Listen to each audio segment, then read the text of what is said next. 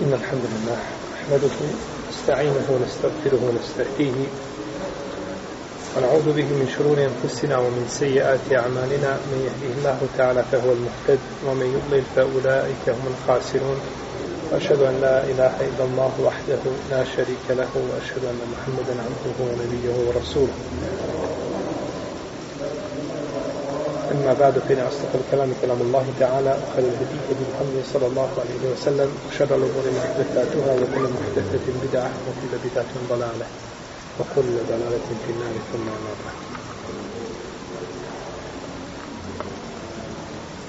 غسل الميت kupanje mrtvaca.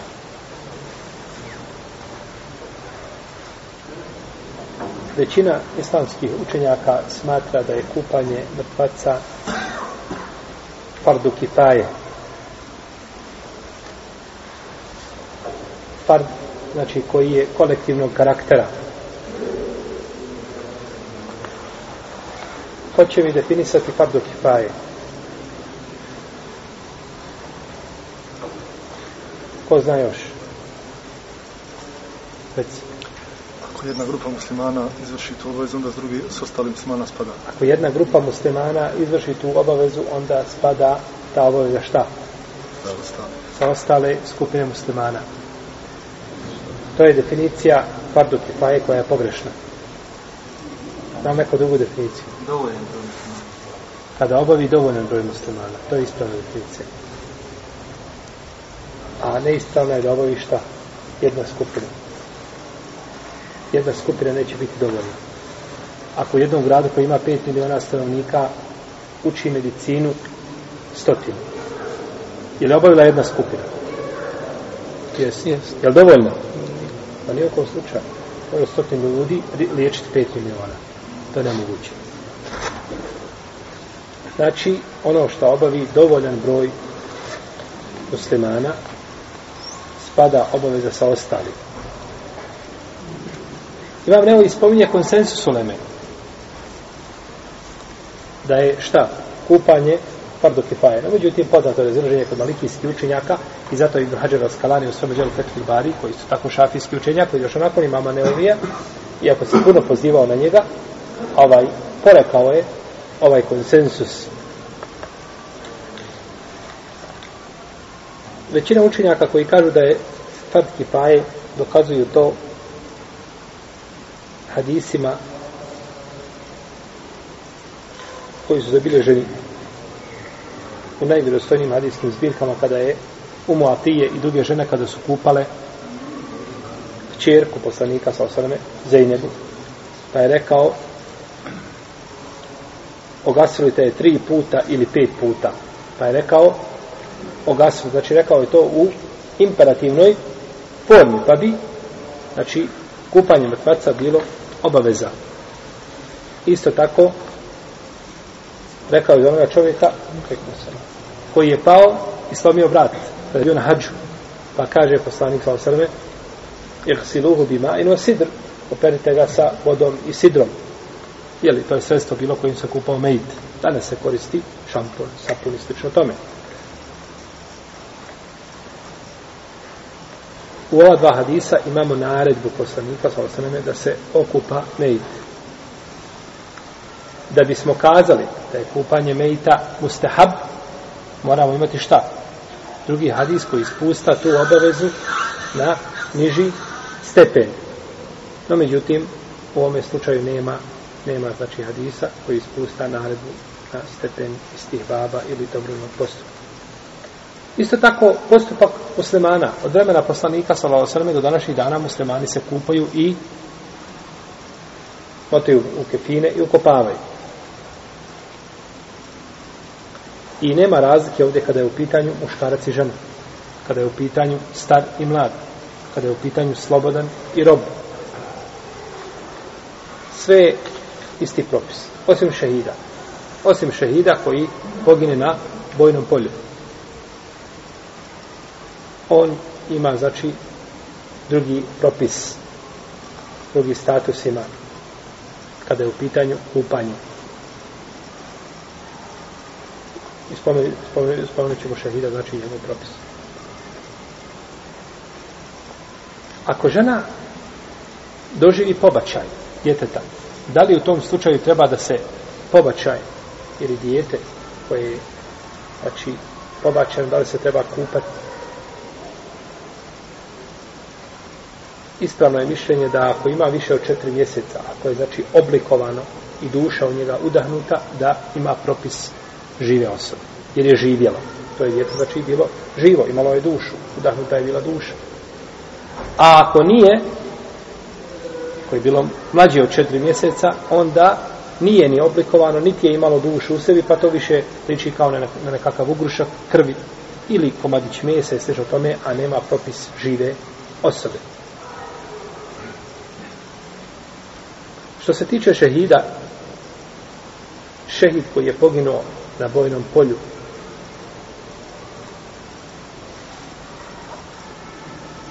on se ne kupa. Kaže Džabir radijallahu anhu, poslanik sallallahu alejhi ve sakupljao šehide Uhuda pa bi stavljao u jedan kabor i govorio bi koji zna više Kur'ana na pamet. Pa kada bi mu se pokazalo na jednom na jednog od dvojice, stavio bi ga prvog u lehet. Znači u onu dubinu koja se ukopa unutar kabura. Ćemo vidjeti kada budemo govorili o ukopu.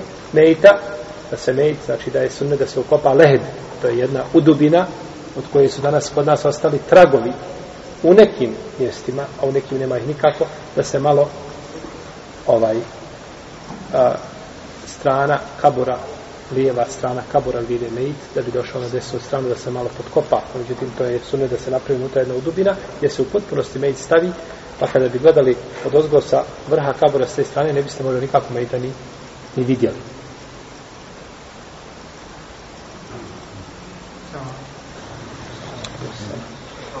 Pa bi rekao poslanik sa osrame, kako došlo od Isu kod Buhari i kod Ebu Davuda, kaže ja ću svjedočiti ovima na sudnjem danu. Svjedočit ću ovim ljudima na sudnjem danu. Ako me poslanik sa osvrame bude svjedočio, inša Allah, da će mu to biti dovoljno. Za Allahovu pomoć. Pa je naredio da se ukopaju u odjeći u kojoj su poginuli onako sa krvi koja curi iz njihovih tijela, i nisu se kupali, niti im je klanjao dženazu. Razlog zbog čega je šerijatom propisano da se šehid ne kupa jeste spomenuto u hadisu poslanika sallallahu alaihi vseleme kada je rekao o šehidima Uhuda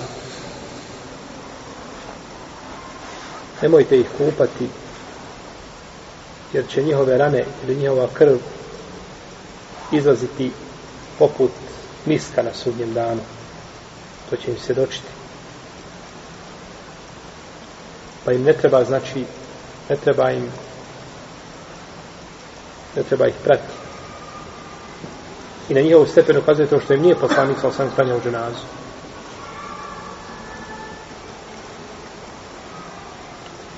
Znači šehid koji se ne kupa je šehid koji pogine u borbi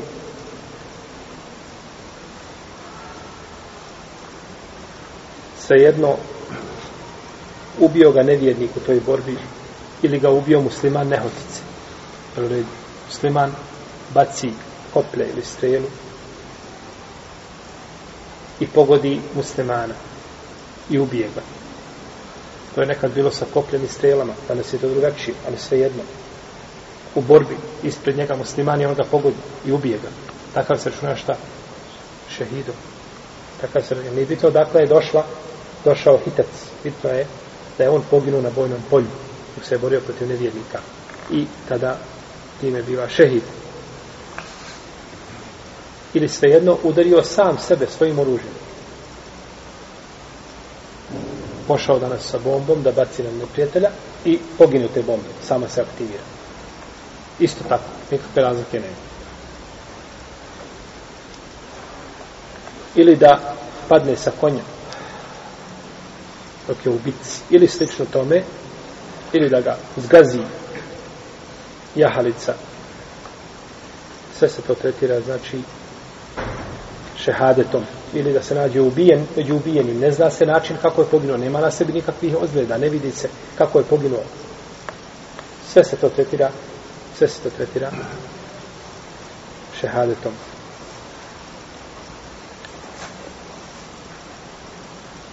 I svejedno poginuo odmah ili nakon vremena dok traje šta?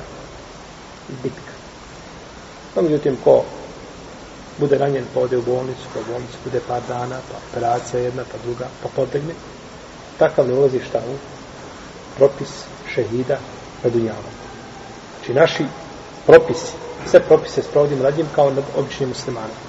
Kupamo ga, tamo ga kifine, kanjamo mu za nalazu. Za razliku da mora ko podnije na bojnom polju.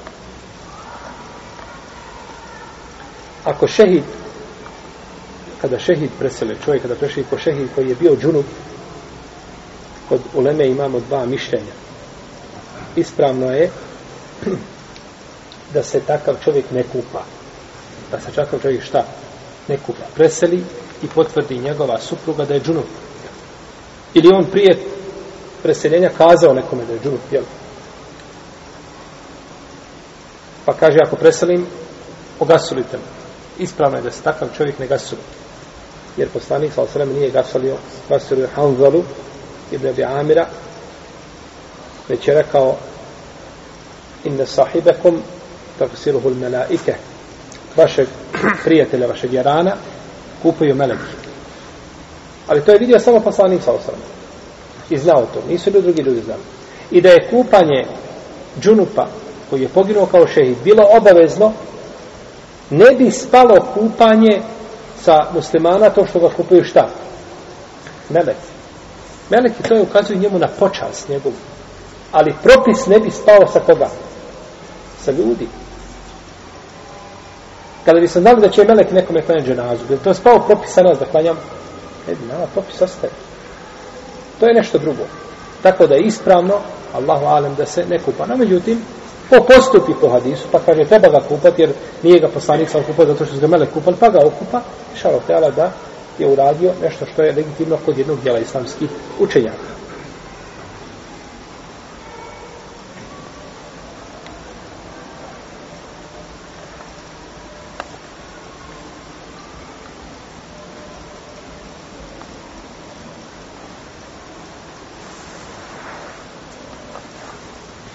Kupali se šehid koji nije poginuo na vojnom polju.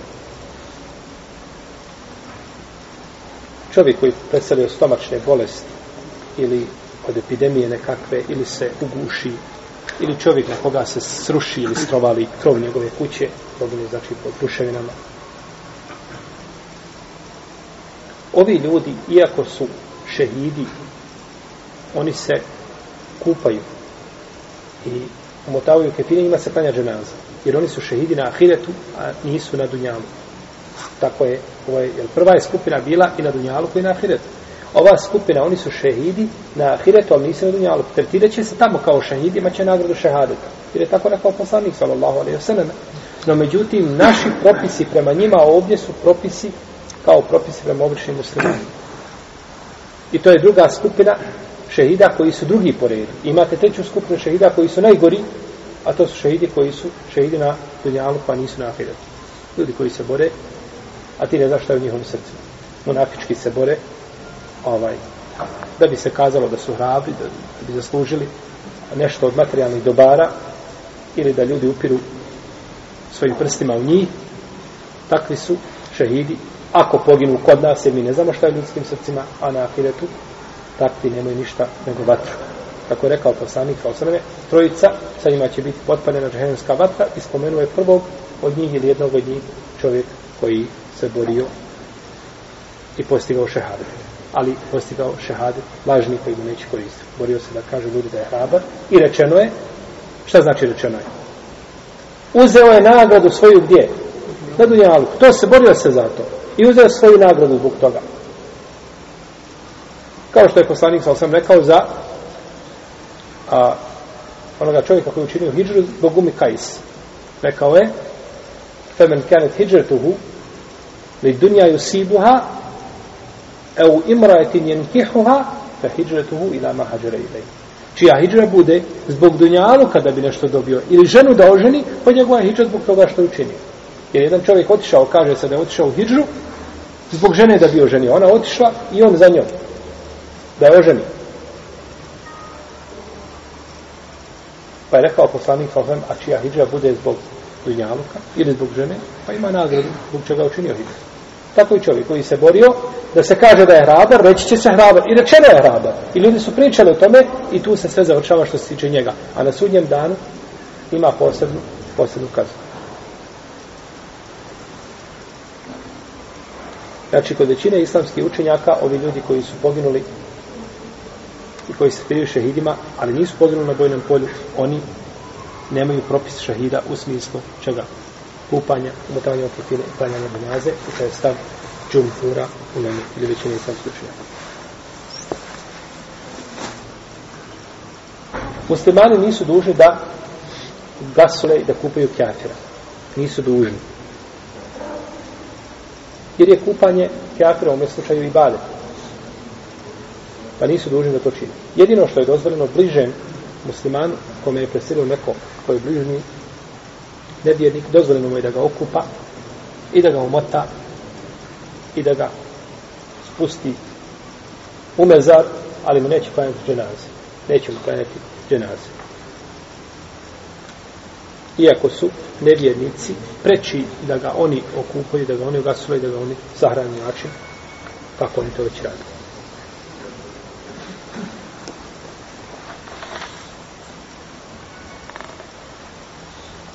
Ko je najpreći da kupa mejte? Najpreći za kupanje mejta su ljudi koji su mu najbliži. Koji su mu rodbinski najbliži. jer je poslanika sallallahu kupao Alija i njegovi bližnji. Kaže Salim ibn Ubejd Lešćaj kada je preselio poslanik sallallahu rekli su Ebu Bekru ko će kupati poslanika sallallahu pa je rekao Ehlul Bejt i oni koji su najduži njima. Pa je su upitali gdje ćemo ga ukopati. Znači, niko od ashaba nije znao gdje će ukopati poslanika sa osam. Pa je rekao, Ebu Bekru, kopajte ga tamo gdje je preselio. Jer sam čuo poslanika sa osam da kaže, poslanici se ukopavaju tamo gdje su preselili. A Allah neće duše uzeti poslanicima, nego na njima, na njemu najdrže nisu.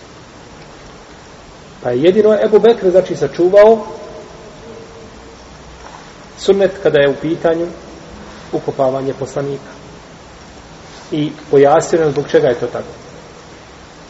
Pa nijedan ashab nema sav sunnet pri sebi. Nijedan imam nakon njega nema sav sunnet pri sebi. Ni dvanest nepogrešivi imama nemaju sav sunnet pri sebi.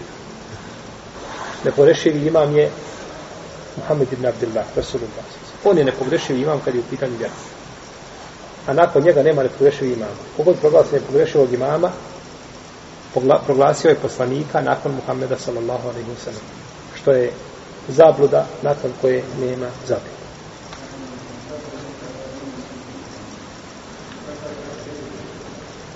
dozvoljeno je da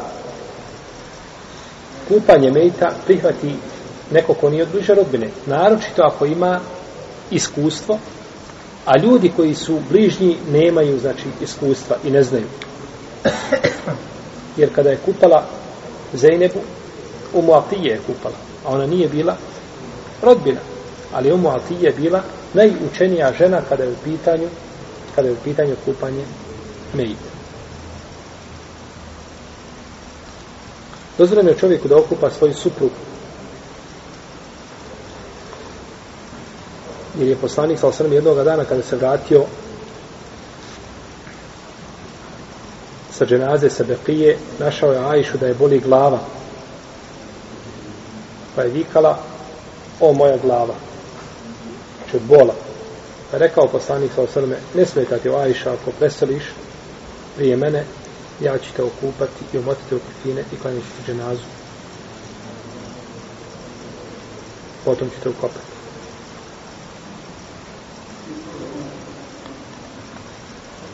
I uzvišen je Allah te barak od dala ženu nakon smrti naziva ženom. Po nekom nisku ma tarake ezvađukum. A vama pripada četvrtina od onoga što su ostavile vaše žene. Oprostite, vama pripada pola od onoga što su ostavile vaše žene. Jer čovjek koji ima ženu, pa ona preseli, a nema djece, ne sa njim, niti sa drugim čovjekom, pripada njemu polovina. A ako ima dijete, bilo sa njim ili sa drugim čovjekom koji nju nasledio, njoj pripada njemu pripada četvrtina. Kao što ženi pripada četvrtina ako on nema djeteta ni sa njom, ni sa drugom ženom. A ako ima sa njom ili sa drugom ženom, onda njoj pripada osmina. Olekum nisfu ma tarake ezvađukum il nem jekun na hunne waled. Njim vama pripada pola što ostaje vaše supruge ako nemaju djece. Znači, uzvišen je Allah te barak i nakon smrti ju naziva tvojom kako? Suprugom. Pa ona je dalje tvoja, tvoja supruga. Pa nema smetje, znači da se u tom slučaju da se gasu. Ovdje bi morali jedino imati znači, dokaz koji brani. A dokaza nema. Dokaza nema. Međutim, kaže Ebu Hanife, rahimahullahu ta'ala, imame teori, da nije dozvoljeno. I oni to objašnjavaju na jedan drugi način. Kažu, kada preseli čovjeku supruga, on može prije njenog ukopa i prije dženaze oženiti njenu sestru. Može li ne može? Ne može ugostiti, sigurno. Ovo se ne može. Ali šerijatski, je li njegova svastika, koja mu je bila neka svastika, u tom slučaju njemu zabranjena? Nije.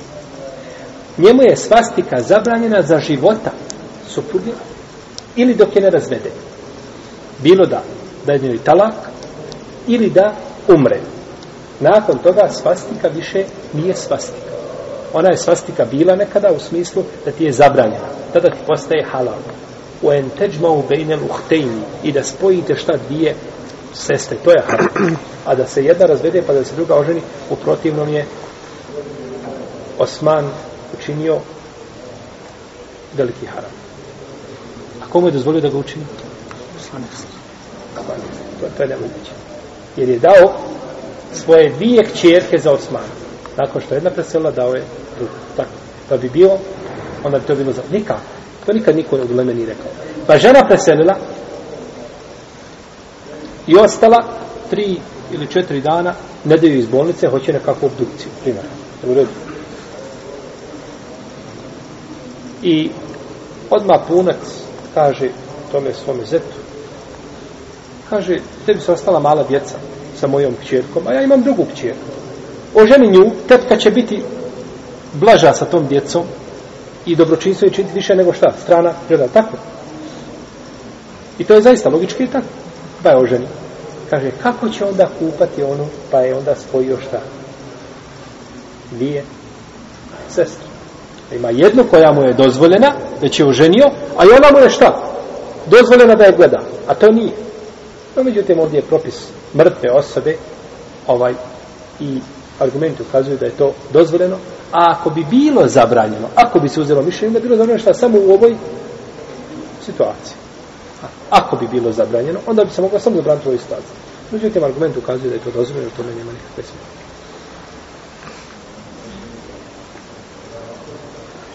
Isto tako ženi dozvoljeno da muža ovaj, gasuli. Kaže Ajša radijallahu ta'ala anha, kada bi mogla vratiti ono što je bilo, ne bih dozvolila nego da gasuli poslanika, ne bi gasuli poslanika sa osam osim njegove žene. Mi bi, mi bi to učinili, kaže Ajša radijallahu ta'ala. I došlo je sa različitim putevima da su Ebu Bekra kupale njegove žene. Da su Ebu Bekra kupale njegove žene.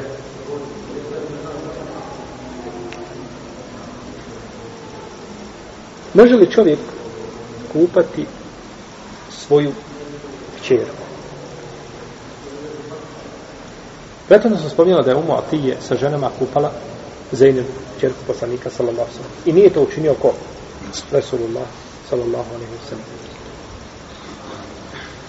I stoga to trebaju raditi žene. No, međutim, kada bi se desilo da nemaju žene to da rade, nema žene koja to može raditi, onda jedan dio islamskih učenjaka dozvoljava, ali s tim da se pokrije obavezno mjesta stida, znači da se pokrije i da se to radi ispod prekrivača. Znači da ne bude znači gledaj, osim ono što je dozvoljeno čovjeku da gleda, a to su znači ovaj mjesta abdesta. To su mjesta abdesta ili mjesta gdje se nose ukrasi, znači glava, kosa, godnji dio vrata, ruke do, do ramena ili za ili, ili negdje u podlaticama, nadlaticama, tako isto, znači, noge najviše do koljena i slično tome.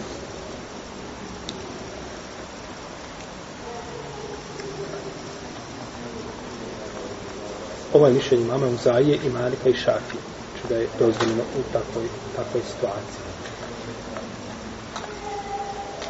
Iako ta je situacija možda više teoretska nego praktična. Dozvoljeno je ženi da okupa dijete malo, tamo ne bilo muško. I kaže Ibn Munzir da po pitanju toga nema razilaženja kod islamskih učenja. Svi su složni da je ženi dozvoljeno da okupa malo dijete muško. Žensko svakako, tu nema razivanja. Muško malo dijete nema, znači smetnje.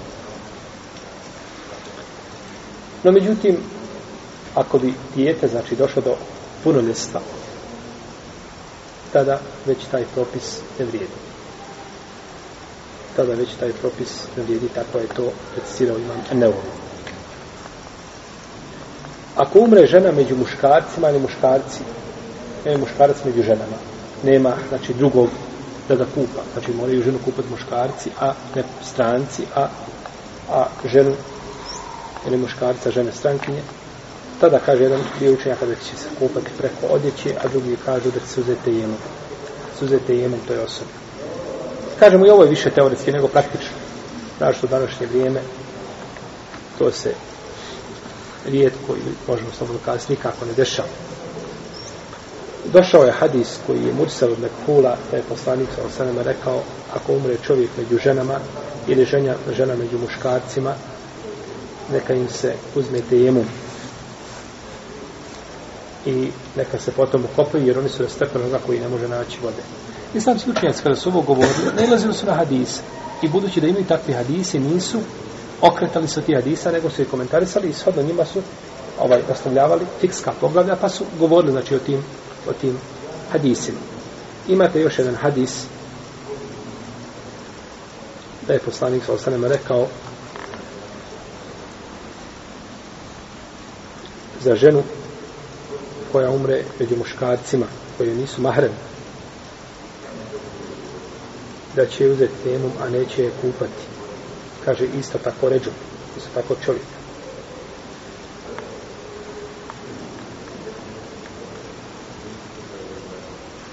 Čovjek ili osoba koja kupa treba da ima pri sebi dva uvjeta.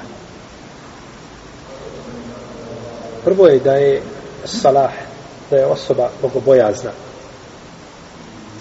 Jer osoba koja je bogobojazna bolje će čuvati Allahove granice i paziti na njih. Poslanik sa i neće otkrivati sramotu mejita. Poslanik sa kaže men satra muslimen, satrahu Allahu joman qiyama. Ko popije muslimana, Allah će njega pokriti na sudnjem danu. I neće vrijeđati takvu osobu. Jer je poslanik sa rekao la te subbul amuat. Nemojte vrijeđati mrtve. I rekao je poslanik sallallahu alejhi ve hadisu koga bilježi imam Hakim koji je dobar, ko okupa mrtvaca pa prikrije ono što vidi na njemu, bit će mu oprošteno 40 puta. I ko umota u kefine tvaca, Allah će njega umotati u svilu i u kadifu, u džennetu. Ako mejto iskopa kabur, ispusti ga u njega kao da je mistinu siromahu obezbijedio boravište do sudnjega dana. Pa je velika nagrada, znači da čovjek općenito i da nosi dženazu i da prati dženazu i doćemo do ti nagrada koje se koje se spominju u poslanika Slosa. I druga stvar je da ima čovjek iskustvo, da ima veliko iskustvo. Ili iskustvo koje će mu pomoći da ne pogriješi, znači, pri kupanju mejta. I mejt nije mjesto gdje se ljudi vježbaju. Čovjek nikad nije kupao mejta i dolazi i sam kupa mejta. To je pogrešno. Tako će više grešaka biti nego... Jer jedno je da učiš kupanje mejta teoretski, a kada dođeš praktično, sigurno ta praksa je drugačija. I uvijek se praksa razlikuje od teorije u smislu da ne možeš tek tako jednostavno praksu primijeniti u teoriju. Znači, zbog toga je bilo da uvijek imaš učitelja ili da imaš nekoga ko ti ukazuje, ko ti pojašnjava, ko ti govori, a nije to pušteno čovjeku da tek tako sam poslanik kao sve kada su došla namaska vremena, došao je Džibril jedan dan u prvo namasko vrijeme komu klanjao, a drugi dan u zadnje namasko vrijeme. Pa kaže između ova dva vremena. A dovoljno je bilo da kaže tada počinje, tada završava i završava. Nego neke stvari znači trebaju iako je poslanik sa osam što se tiče razvijevanja jer je sigurno razlikuje se tu drugi ljudi. Pa kako je onda sa drugim, sa drugim ljudima? I umu Atije, kako spominje imam Neo ibn Abdul Garda je bila stručnjak za kupanje Meita. I ona je, a, našao sam predaj da od nje Ibn Sirin učio kako se kupa Meita. I ona je bila, znači, ekspert po ome pitanju i niko od ashaba nije, znači, bio na njenom stepenu kada je u pitanju kupanje Meita. I Ali radi Allah, ono kada je kupao poslanika sa osreme, otišao je nakon kupanja da gleda je li izišlo nešto iz njega što izlazi iz čovjeka. Pa nije našao ništa. Pa je znao, znači, da pri kupanju mejta šta? Izlazi nešto iz mejta. Pa kaže, tibte hajen o mejitan. Tibte hajen o tibte mejitan. Kaže, bio si čist i lijep i živ i mrtav. Allahu poslaniče. Sallallahu alaihi wa sallam.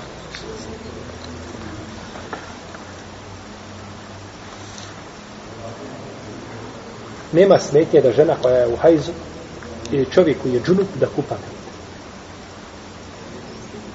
Znači, nema smetnje osobama koje su u hajzu ili unifasu ili osobama koji su džunup da kupaju šta? Mejte. Nema dokaza koji to brani. A sve što nema dokaza, u ome slučaju ne možemo braniti jer je osnova da je to dozvoljeno. Kako se kupa mejit?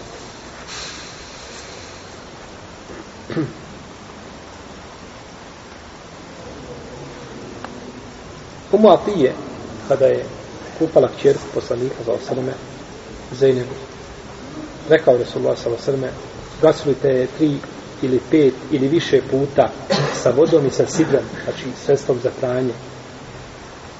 I pomiješajte zadnji put kafur.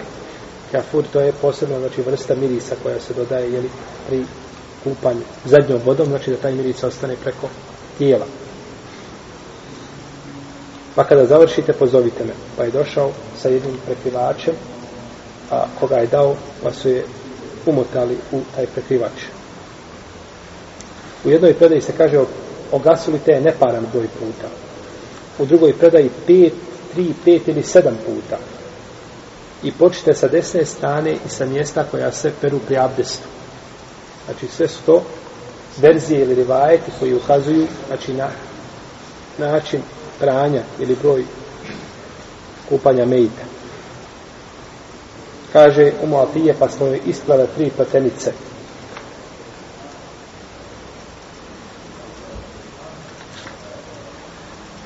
Mogli bi skratiti kupanje mejta ili sažeti u narednim tačkama.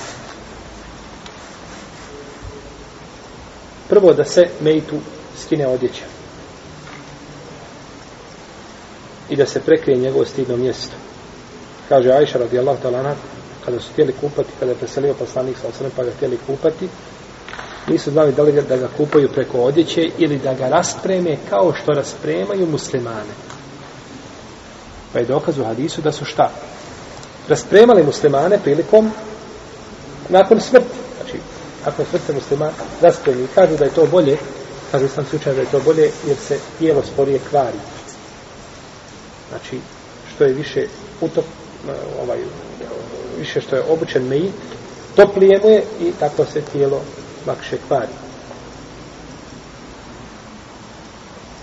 Pa nisu znali kako će okupati poslanika, sallallahu alaihi wa sallam.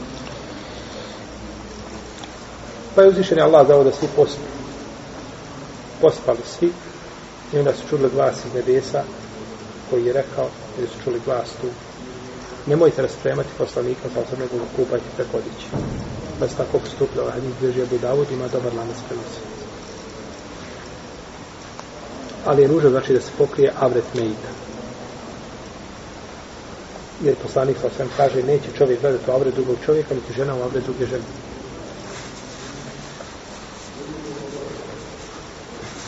I ovo je stav imama Ibn Sirina i Ebu Hanifa i Malika i Ahmeda i drugi. Avret mejta muškarca je između pupka i koljena. Da se raspletu ženi pletenice ako ih ima. Ako imala pletenica, da se raspletu pletenice. Jer je tako uradila u Moatije, rasplala pa je ponovo otvala. Kao kada se žena kupa nakon čega? nakon hajza nakon dženabeta. Nakon, džera, nakon hajza. Se ima pletenice, raspašće pletenice. A nakon dženabeta ne mora je raspašće. Da se mejt kupa polahko. Znači da se mejt kupa polahko i blago.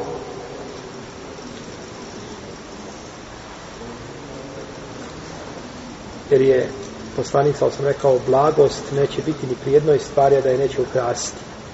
A žestina i grubost neće biti ni pri jednoj stvari da je neće skrnaviti, da nakaziti.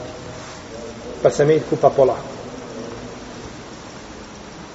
slušao sam od ljudi koji su gledali ove što kupuju po tamo bolnicama. Nogama ih prevrću. Nogama ga pomjera. Znači šuta ga nogom s jedne strane i s druge strane ovaj i kupa ga. Kaže poslanik sallallahu alejhi ve selleme to samo treba ljudi muslimani da znaju da ne dozvoljavaju da im neko tamo kupa ili neko tamo uzme mejita i on ti ga dotira spakovano i uzme ti hiljadu maraka što ti ga okupa a kako ga kupa i koga kupa može ga kupa čovjek koji nikada Allahu te barak na sežu pao nije i možda je polupijen i možda je Allah zna kakav je šta i ko je da najpreće da čovjek to uzme sobom da to radi. Ili da u najmanju ruku bude prisutan tu gdje se radi. A da tek tako pusti ovaj mejta da, da se sa njim neko igra, to je neispravno. Kaže poslanik sa osaname, lomiti kosti mrtvom muslimanu je kao živom. Znači, nikakve razlike nema. Ja slomio mu kost mrtvom, ja živo. jer musliman ima svoju čast i živi mrtav. Da stavi sa vodom kojom kupa mejta, da stavi sidr. Kazali smo da to sredstvo za kupanje. Danas je to sapun ili šampon i slično tome. Nešto što se znači lakše sapira, ne nešto što se jako teško sapira, pa da znači ima problema se, da se ima problema sa sapiranjem. Zbog riječi poslanika sa osam iksil neha bima inu sidr kupajte nju jer se zajnebu sa vodom i sa sidrom. Ako u zagrijavanju vode ima korist da se lakše uklone prljaštine, nečistoća koja koja na mejtu neće smijeti na primjer mejt imao sabraćenu nesreću pa bio duže pa se krv usirila pa se tvrdna na tijelu pa se ne može hladnom vodom tako lako oprati onda da se malo ugrije voda ne smeta O svim ovim braću pitanjima mi smo knjizu ženaze opširno govorili. Zato ćemo ići ovako kako je autor govorio i nećemo se širiti ništa više od toga. Možda neke stvari usput spomenemo koje nisu spomenute, ali ovdje znači ovaj držat ćemo se uh, uglavnom onoga što autor spominje. Da počne pranje mejta sa desne strane i sa mjesta koja se peru pri abdestu. Naravno to nakon nijeta i nakon bismile. Što se tiče ispiranja usta i nosa, ispiranje usta madmada u arapskom jeziku je pokretanje usta unutar usne šupine, a, a listin ša, ispiranje nosa, je ušmrkivanje vode u nosnu šupljinu. Mejt ne može nijedno drugo. Ne može uraditi nijedno drugo, može samo mejtu voda otići niz grlo. Pa iz toga preče da se malo usta operu koliko mogu, znači, ili zubi koliko su otvoreni, ovo su koliko otvoreni, i nos da se ispere gazom, tako dalje koliko može, ili štapićem i slično tome, ili rukom, a da se klasično ispiranje ostavi jer ga je teško, jer ga je teško sprovesti.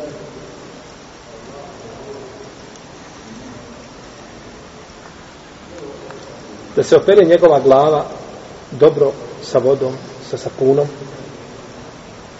dok ne dođe do korijena kose.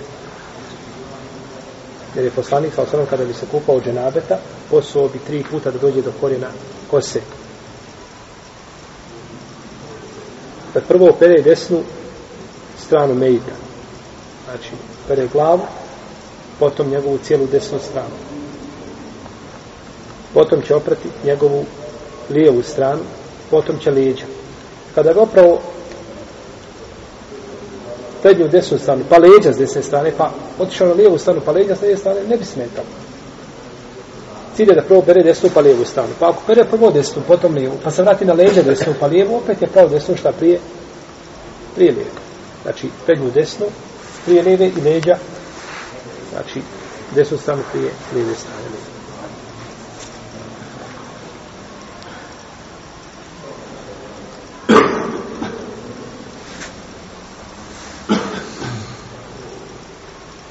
da se počešlja kosa mejta i da se opletu, znači, pletenice, kao što smo kazali. Da se ponovi, ovo je 11. tačka, nisam možda spominjao brojeve sve, da se ponovi gusul više puta, shodno potrebi. 3, 5, 7 ili više, shodno potrebi, ali da bude uvijek neparan broj puta. Kako rekao poslanik i okupajte neparan broj puta. Dodat će se, znači, kjafur, to je miris, misk, znači da se doda u vodu ili nešto slično tome, neće smetati. Pri zadnjem pranju, pranju, tako da ostaje, znači, tijelo na mirisa.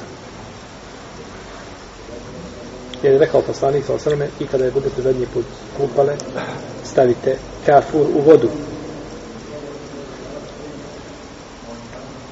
Kada se ne smije stavljati kafur?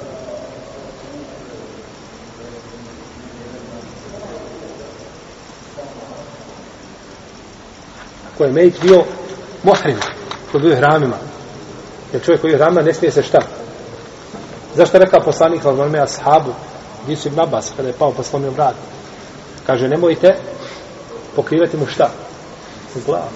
Zato što muhrim ne smije pokrivati glavu. Pa isto tako, ako je muhrim, neće se ni miris. Nećeš ga miris. Zato danas na hađu, ko je bio kada Mejit preseli, kada vide Mejita da nose, ako ga nose u ihramima, znači ako je glava otkrivena, ne može biti u ihramima, ako je glava otkrivena, bio je šta? U ihramima. Čovjek može doći u Meku, obavi umru i skine ihrame. I do osmog dana tervije on je slobodan. Te kada izlazi osmog dana, kada prelazi na minu, ponovo oblači, ili onaj ko ne izlazi osmog dana, vide devetog odmah na rafat, on oblači šta ihrame. Pa ide, on je preselio onda u ihramima, bio je mohre. Znači, ako mu je glava otkrivena. Pa se vidi, znači, kada nose iznose ljude, vidjet ćete nekome je glava otkrivena, a neko je, znači, sam umotan, ovisno gdje je, gdje je preselen. I pri kupanju je kod izrazitog dijela islam slučajaka sunneti, o tome smo govorili u knjizu ženaze, a, a pohvalno je da se pritisne stomak mejta, da se mejt malo digne prema sjedećem položaju, znači upola, možda u neki 45 stepeni, ako može, i onda se blago rukom pritisne stomak da iziđe znači nešto ako, ako je ostalo u, e, u mejtu pri, pri, pri, pri samom znači izlazu pri analnom otvoru ili u njegovom stidnom mjestu, tako da nakon toga ne bi izišlo da onečisti kefine. Pa da se ne bi mejt ponio, pa nakon toga se vidi da su kefine nečisti, pa se mora vraćati ponovo iz početka ovaj, čistiti mejti i novi kefini, tako dalje. To je veliki zahmet. Stoga treba znači pritisnuti ovaj stomak blago mejta, ovaj da se jer, je posla, jer se navodi u predama da Alija tako uradio otišao je da gleda nakon toga, je li nešto izišlo. Pa kaže, da ovaj zaključuje da Alija šta? Pritiskao stomak. Znači, ne bi li šta izišlo. I ne smije mejt, ne smije čovjek koji kupa mejta, prilikom kupanja dodirivati svojom golom rukom stidno mjesto. Znači, stidno mjesto, ne nego tada se omota se oko ruku se omota bijela gaza ili veški ili nešto tako i sa njim čisti, znači, mejta. Njegovo stidno mjesto. I uvijek nakon čišćenja može pogledati u gazu. Ako je gaza, kada gaza ostane bijela i ne mijenja svoj više boju, jer obično biva smeđa ili žuta i tako dalje, ovisno o vrsti nečistoće, i nakon toga, kada pogleda da je gaza potpuno bijela i čista, da nema ništa na njoj, onda nakon toga je šta? Mej čista. Tako može, znači, zati, ne mora, znači, gledati, ne mora gledati u stidno mjesto. Ne. Ovo bi, znači, bilo nešto o tačkama pitanja kupanja mejta. Čim što tamo nastaviti naše naredno druženje. Allah ta'ala. Sallallahu alaihi wa sallam. Wa ala alihi wa sallam. Jedno braću pitanja vezani za ovo o čemu smo govorili. Mimo toga budu.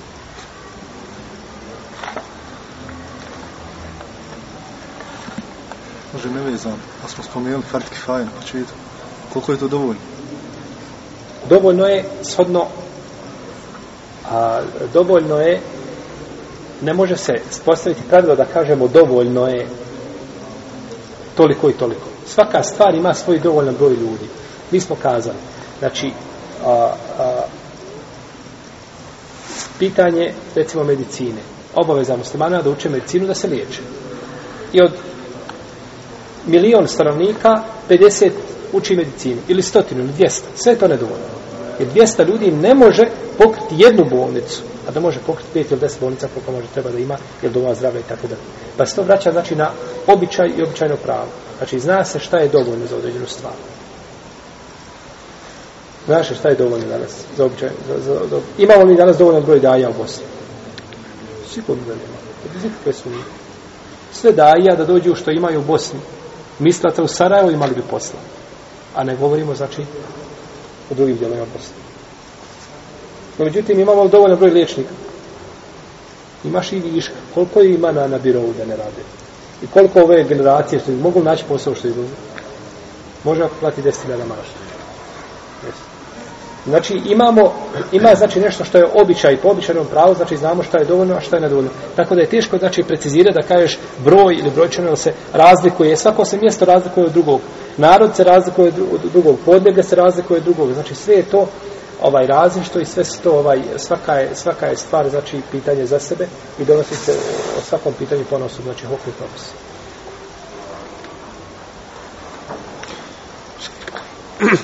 Dobro. Je li dozvoljeno pričati kad se kupa med?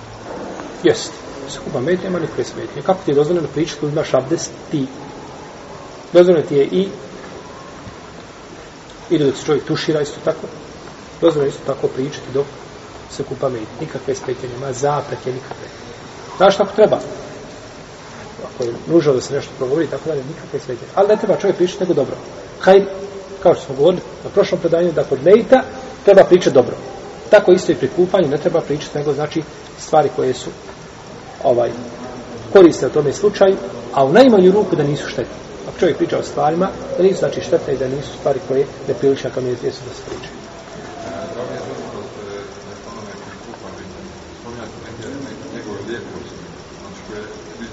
Jest. Znači, lijepe osobine da kaže čovjek, ovaj, ne znam, vidio je nešto lijepo na meditu, ako ima neke lijepe osobine koje se mogu spomenuti, tako dalje, sve što se lijepo sa medita spomene, hajde i bere kad nema u tome nikakve smeti. Sa, znači, sve mahane koje imao treba prikati. Sve mahane koje imao treba prikati. Osim da je ta mahana od opće korist koja se mora kazati da ljudi znaju radi određene stvari, to je drugo. No, međutim, osnova je znači da se medit prikriva i da se njegove sramote koje imao tjelesne prikrivaju. Jesu.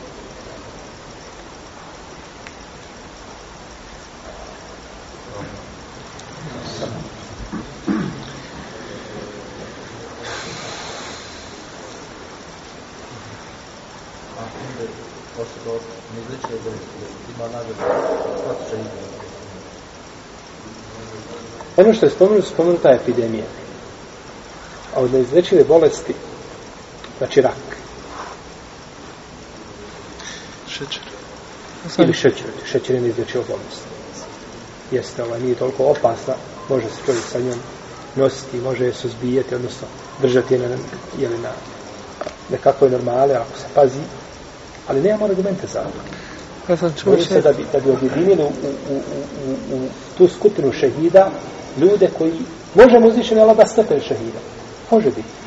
No međutim, da mi kažemo taj osob, ne, mi možemo kazati osobu koja je došla od Isu, osobe koje je spomenute, osoba koja se utopi, osoba koja izgori u požaru, osoba na kojoj suši njegov krov, stomačna bolest, epidemija i tako dalje, što je došlo u nekim predajama e, da je došlo žena koja pomije na porođaju, da će ovaj dijete vući sa onom vrtcom pupčanom, da će ući u džennet, iako je ta predaja slaba. Ovaj, u svakom slučaju, uh, ono što je došlo u hadisu, najpreće se za to ograničiti. A uzvišen je Allah može da stepen šahida kome hoće i kako hoće. Ali ono što mi možemo garantovati 100%, ono što je došlo u hadisu.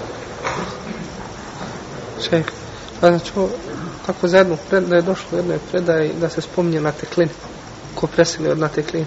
Pa to govore baš da, da, ni, da su to ova manja na oboljenje rakom.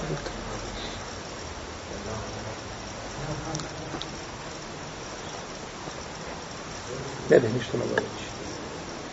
Allah.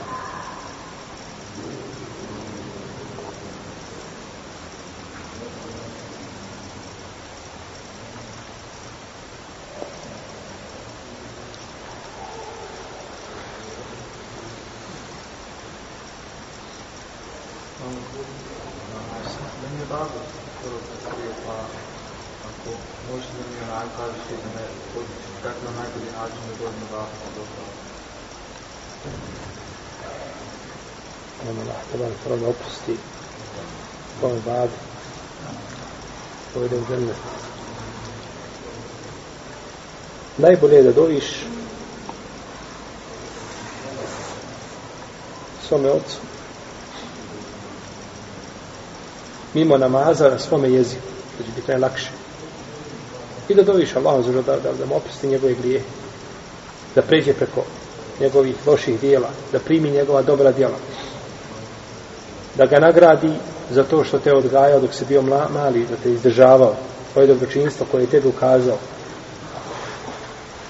I da činiš što više dobri djela ti, jer svako dobro djelo koje ti budeš činio, tvoj roditelj, ako se, znači ako je odgojio te on, bit će on, znači isto tako nagrađen. Imaće nagradu za svako tvoje dobro djelo koje učiniš. I da činiš dove svome roditelju u vremenu kada uzvišenje Allah prima dove. Uđe zara i kamet, kada kiša pada, kada si na putu, u zadnjoj trećini noći. Znači sve ono gdje je doba čovjeka primljena na arefatu kada se čovjek nalazi srijedom poslije podne, kako došlo u hadisu kod Buhari u domu Mufred, poslije podne namaza, pa jedan čas petkom. Da ima čas kada uzvišeni Allah te vrta prima dovu, da je to od vremena kada se imam popne pa do zalaska sunca. Veliki broj ashaba kaže da je to čas posle kindije pa do zalaska sunca.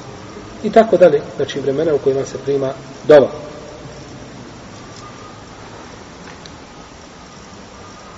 Kako god da doviš, ti uči Kur'an za sebe a, uz, a tvoj babo ima ujedno nagradu inša Allah za to. Znači, učenje Kur'ana, roditelj nemoj njemu učiti Kur'an. Jer Kur'an je živima. Kur'an je za živ. U Kur'anu sve što se nalazi وَيَقِيمُ الصَّلَاةَ وَآتُ الزَّكَاةَ وَاعْتَسِمُوا بِاللَّهِ Obavljajte namaz, dajte zekat, držite se Allahovog užeta. Ođahidu fillahi haka džihadi, borite se na Allahovom putu iskreno. Uh, sve, svi propis koji su u Kur'anu su za živog. Taj Kur'an tebi. Pa se ti prihvati Kur'ana i radi po Kur'anu, a na sudnjem danu se kaže da će uzvišeni Allah dati roditeljima veliku nagradu. Krune počasti da će im staviti na glavu. Pa će kazati odakle nama ovo gospoda, mi ovo nismo zaslužili, odakle ovo istepeni. Kaže, bi ehzi voladikum al Kur'an. Zato kaže što je vaše dijete uzelo za Kur'an i držalo se Kur'ana i živjelo po Kur'anu. Tako da je Kur'an za nas žive, a kada preselimo, kaže poslanik sa osaleme, prekidaju se dobra djela mrtvom, osim u tri slučaja. Sadaka, trajna koju je ostavio, napravio neki put, napravio bunar da se ljudi koriste, Ili znanje koje je ostavio, napisao knjigu, ne znam, poučio ljude koji nakon njega prenose to znanje drugima, snimio kasete i tako dalje. I voledun salihun jed'u lehu. I dobro dijete koga je odgojio lijepo da mu dovu čini. Nije rekao da mu Kur'an učinije ništa.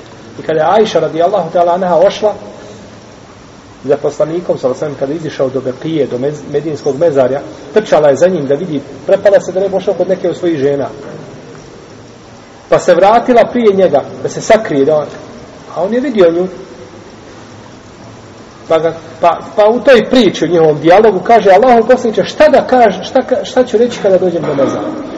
Pa kaže, reci, pa je poučio dovi koja se kaže kada se dođe do mezara. Salamun alaikum, bi ale kao mu'minin, ento bina sabikune, u nahnu bikum lahikune, inša Allah. A nije rekao prouči fatihu pa i triput kum Allah. U redu. Nego je rekao prouči dovu. Pa tako im mejtu učimo dovu. I to je ono što koristi mejtu. A učenje Kur'ana koristi nama, ali koristi u isto vrijeme šta i mejtu, ali ga ne učimo radi koga. Jel razumijete braći? Čovjek zakolje kurban. Ti zakolješ kurban. Tvoj babo ima nagradu od tvog, tvog dobrog djela. No međutim, nisi ti zaklao kurban na ime koga? Svoga babe. Nego si ga zaklao ti, zato što te Allah time duži ako kažemo da je vađib. Ili, ili je sunnet. Ispravno da je sunnet kod većine uleme je kurban sunnet. I to je ispravno mišljenje. Da je pritvrđeni sunnet. Ja koljem kurban, ja ga koljem. Ali ga nisam ga namijenio na babu. Ali moj babo ima u istovremeno šta? Nagradu od Boga dobrog dijela. Pa je razlika, znači da činiš nešto roditelju, njemu, da, ali možeš dati sedaku i namijeniš za koga? Za babu koji je preselio. Jer za to je došao argument. Pa imamo znači dvije stvari. Imaš dijelo koje činiš i namijeniš ga za roditelja. Čisto njemu. Imaš dijelo koje činiš ti, nećeš ga namijeniti roditelju, zato što nije tako e, bilo preneseno od prvih generacija da su radile, ali opet tvoj roditelj šta ima? Da, tako ne boj se za roditelja. Jer da nije bilo roditelja, ne bilo ni tebe. Allahom dozvolom, naravno.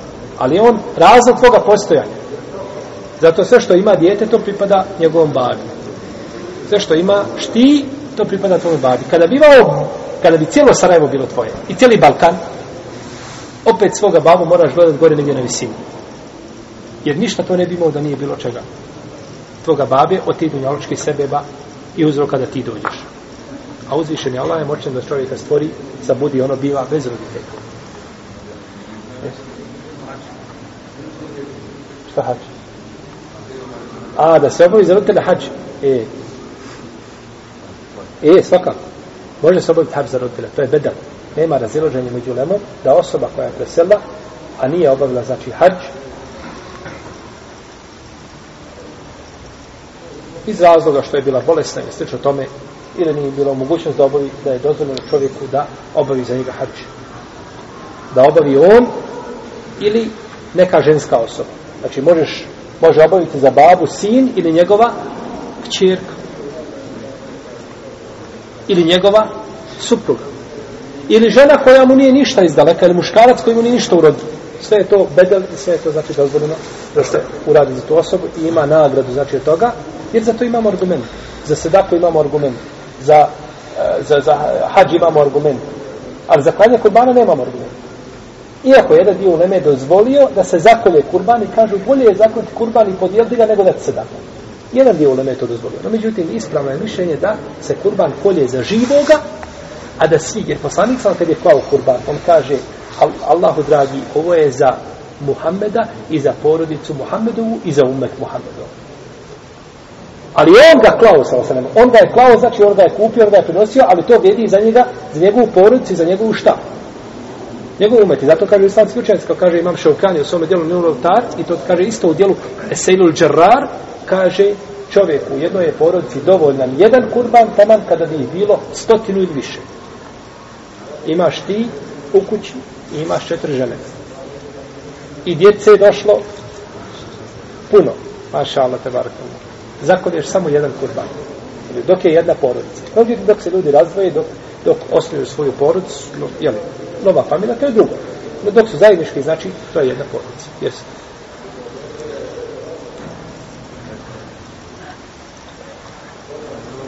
Ok, pojašnjenje za jedan, ona hadis. Kaže se ono, nemoj tvoj da hranu jede niko dok nije, što nije bogobojazan. Dobro. I onaj, a šta ako sad ja jedem, dolazim neki tam čovjek koji možda druga pripisuje Allah i psuje ga i sad on dok dođe kao traži od mene da jedem. Da polimo tu, taj sendvič ili tu, tako nešto. Da li da ja njemu dam, no nema ili... Dobro. Znači, to je hadis Ebu Sedal Kudrija. A, la tu sahvi la mu'minin, wala jehul tameke ila teqi. Nemoj se družiti nego sa vjerovjernikom, nemoj da tvoju hranu jedan osim bogobojazan. Ne znači to da čovjek ne može imaš dva bureka, dva sandvića, nije bitno. I čovjek pored tebe koji nije bogobojazan. Bilo da je musliman po ime, ili da je u osnovi nemusliman. Ne znači da mu ne može dati jedan sandvić da ga nahrani. Pa uzvišen je Allah ga tabar tala hrani. Jel u redu? I on mu je milosti on mu daje. Ne znači da, da mu ne možeš dati, nije to. Nego misli se ovdje da ti pripremaš kuć hranu i da posebno njega pozivaš da on tebi dođe i da sa njim sjediš i da sa njim časkaš i pričaš i druguješ i tako dalje. Jer kad ti tako budeš činio, i on će tebe sutra pozvati da ti jedeš kod njega. A kad ti budeš jeo kod njega, Allah hvalim šta jedeš? Je li halal ili je li, je li zapravo bismilotom nije sigurno, je li, oni ne paze na to. Je li ovaj, miješano sa svinjetom, nije miješano sa svinjetom, je li ukradeno, je li na koji način došlo, nećeš znati. Pa ćeš tako upasti u grije nesvjesno.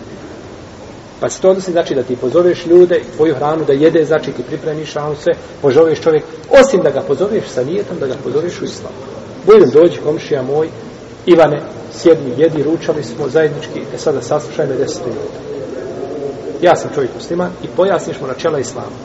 I ponekad braću načela islama ovaj, a, ruše sve prepreke koje ljudi imaju. Danas nevjernici, muslimani ne znaju danas islam, a kamo li nevjernici? Jedan nam je doktor pričao što je bio ovdje kod nas ovaj, ljetoskoro smo imali ovaj seminar pričao nam je doktor Ahmed Al-Qadi, to je poznati učenjak, danas jedan eh, alim šarijata i on je inače učenik šeha Ibn Sejmina, 20 godina bio kod njega u Halkama. Kaže, jedne prilike sam došao, kaže, jednoj ženi i kaže mi, ovaj, ona pita o islamu, kaže, pitala je nešto vezano za sitnicu neku u islamu, možda za ženu, detaljne kakav, kaže, ja ću te pojasniti, međutim, kaže, pusti me da te objasnim načela islama. Pa ću onda, kaže, odgovoriti na tvoje pitanje. Hajde, kaže. Ja je odgovorio i kaže, ja joj kažem načela islama na engleskom jeziku. I kaže, sad da te odgovorim, kaže, na ovo što se pitala. Kaže, ne treba. Nema, kaže, potrebe. Pa kaže, pitala s mene, kaže, meni je, kaže, to što sam čula, kaže, kod mene sve nesnoće nestalo. Kad vidim koga obožavaš, kako obožavaš, šta je kod vas ti, šta, kaže, nemaš potrebe i nije mi, kaže, dozvolu da je objasnim. Kaže, ja sam shvatila islam. Znači, kroz ta osnovna načela. Jedan od, od, od šehova, gledao sam ga e, negdje na, na snimku, kaže, otišao je negdje u Ameriku gore i došao je jedan kršćanski misionar i on ga pita šta si ti? Kaže, ja sam kršćanski misionar, pozivam u kršćanstvo. Haj, kaže, mene pozori. Hajde kaže, mene pozori u pa kršćanstvo. Kaže, a, dobro, kaže da voliš i sa, kaže, nema kod mene tu, kaže, nikakve prepuće, kaže, ja i sa volim, kaže, to je kod mene jasno. Kaže, i objašnjavao mu ovaj. Dobro, kaže, u tome kad mu objašnjavao, dođe jedna starica i ona je mislena. Kaže, hajde ja vas sad, kaže, da ja vama nešto, kaže, kaže. Ja ću vama, kaže, kazati dvije rečenice ili dva citata. Pa mi vi recite, kaže, kakva je razlika. Hajde. Kaže, pa sam počeo učiti iz početka suru Merjem. Zikru rahmeti rabbike abde huzike. I zna da rabbehu ni daje. I on je učio to. Učio je kako se uči mushaf, tačno. Nakon on kaže, sada slušajte drugu riječ. Ili drugi citat pa je rekao جاء محمد من المدرسة فدخل البيت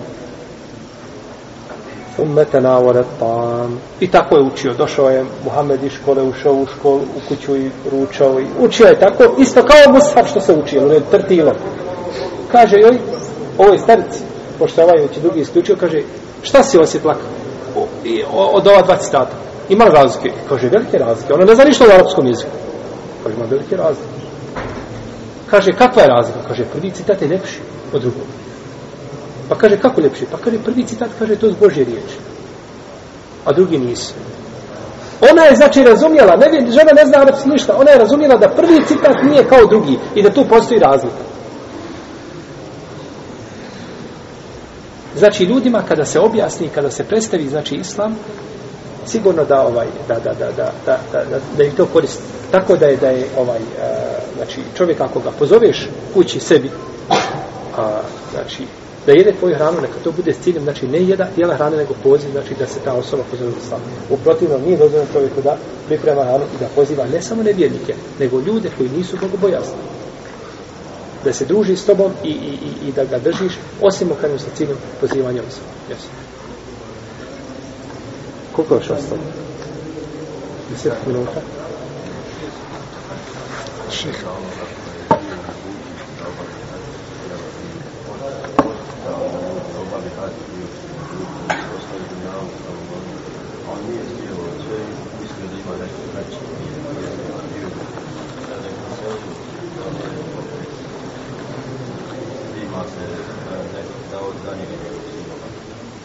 Omer radijallahu anhu kaže čovjek koji presele ne obavi hađ svejedno mu je umro ko židov ili ko kršćanin. Znači, to se prepisuje poslaniku, sam sam ove riječi, ali ispravno su to riječ Omera. Da je to Omer kazao. Čovjek koji umre, a ne obavi hađ, je u velikoj opasnosti. Ako nije bio dovoljno svjestan ovaj i držao se, ali sam držao se mišljenja da može bilo kada obaviti hađ i da mu to obaveza u životu, znači pa ako preseli neće mu to smetiti, rekao pa sala. To je drugo. No, međutim, ako čovjek znao je i mogao, a neće, isteže, rasteže, može za njega neko obaviti hač. To nije sporno. No, međutim, da će ga uzvišen na Allah prim, to mi ne znamo. Za drugu osobu, koja je bila bolesna, imala mogućnost, kada je imala mogućnost, ostavila tijelo, ne može. I neko obavi, kažemo, inša Allah, da će ga Allah primiti. Inša Allah da je primiti. No, međutim, osobu koja, je, koja se tako rastezala to i nije htjela da obavi, i onda neko obavi hađ za njega, Allah zna, hoće to biti primjer. Nemarna bila, znači zbog njegovog nemara može ga uzvišeni Allah kazati, to nikako ne primjer.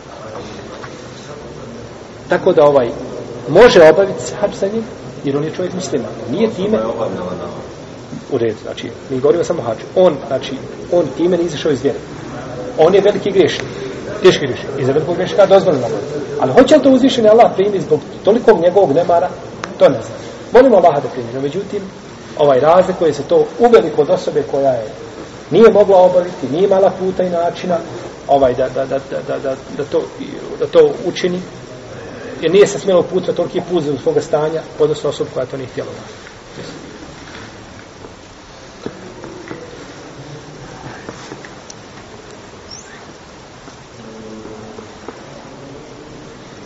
Koji je danas kod vas Muharrem? Deveti. Molim? Odnosno deseti na stupnju već. Deveti, deseti. Pa negdje kažu da je deseti već. Ja sam nekim strancama gledao, kažu da je danas deseti. S akšamom, jel na stupnju? Ne, ne, ne, ne, ne, da je danas bio, ne, ne mislim posle akšama. U svakom slučaju, ko nije danas poslije, poslije sutra ne bi Allah dao da pogodi ovaj malo je bilo ne jer ja sam gledao, pratio se to već prek, u stvari nedjelju na večer su već pisao da je osmi.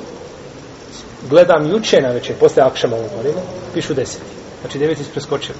zato što se da, ili su vidjeli da, da je bila greška u, u ovaj u računjanju ili uglavnom eh, na nekim strancama stoji da je danas eh, da je danas, mislim danas kad govorim mislim na dan, da je bio deseti, a negdje da je bio deveti U svakom slučaju, znači, kod jednog, kod nekih po tom računanju bit će onda sutra dana šure, a kod nekih je bio danas. U svakom slučaju, koje postoje danas, može. Dobro. Šala, pogodio pogodio je svaka. A ko nije, molim Allah, da mu to primi zato što ovaj, teško je orijenti srca, postoje ta razilaženja.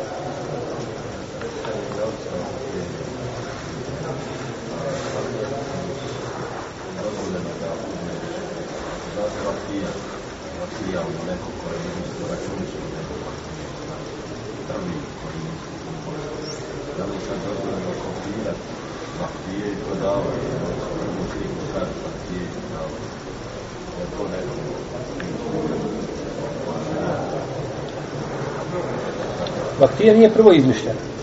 Vaktija je sastavljena. Na osnovu znači da ne bi neko sad mislio da je to neko ovaj rastezao onim špage i konca pa pravio ka, namaska vremena. U redu.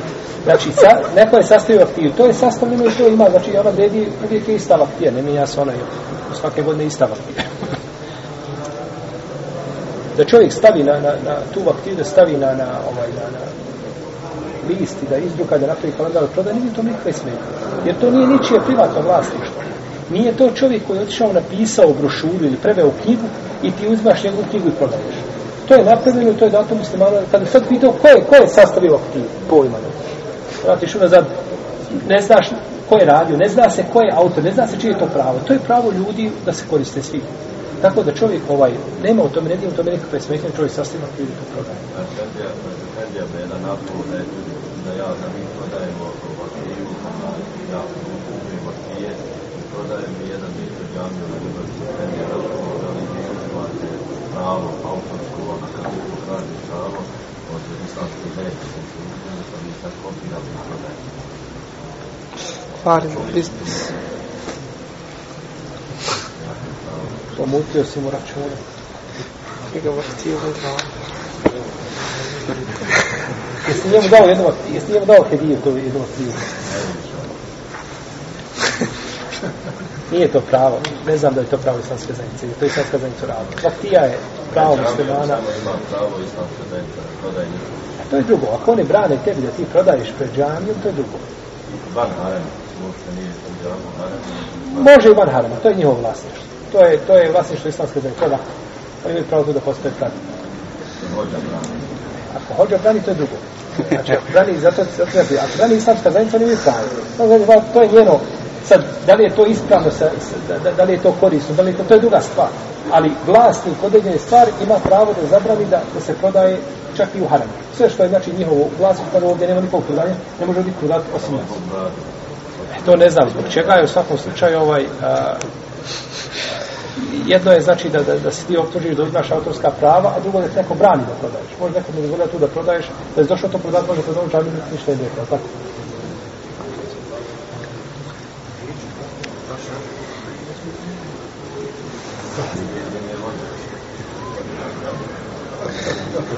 الله تعالى صلى الله على نبينا محمد وعلى اله وصحبه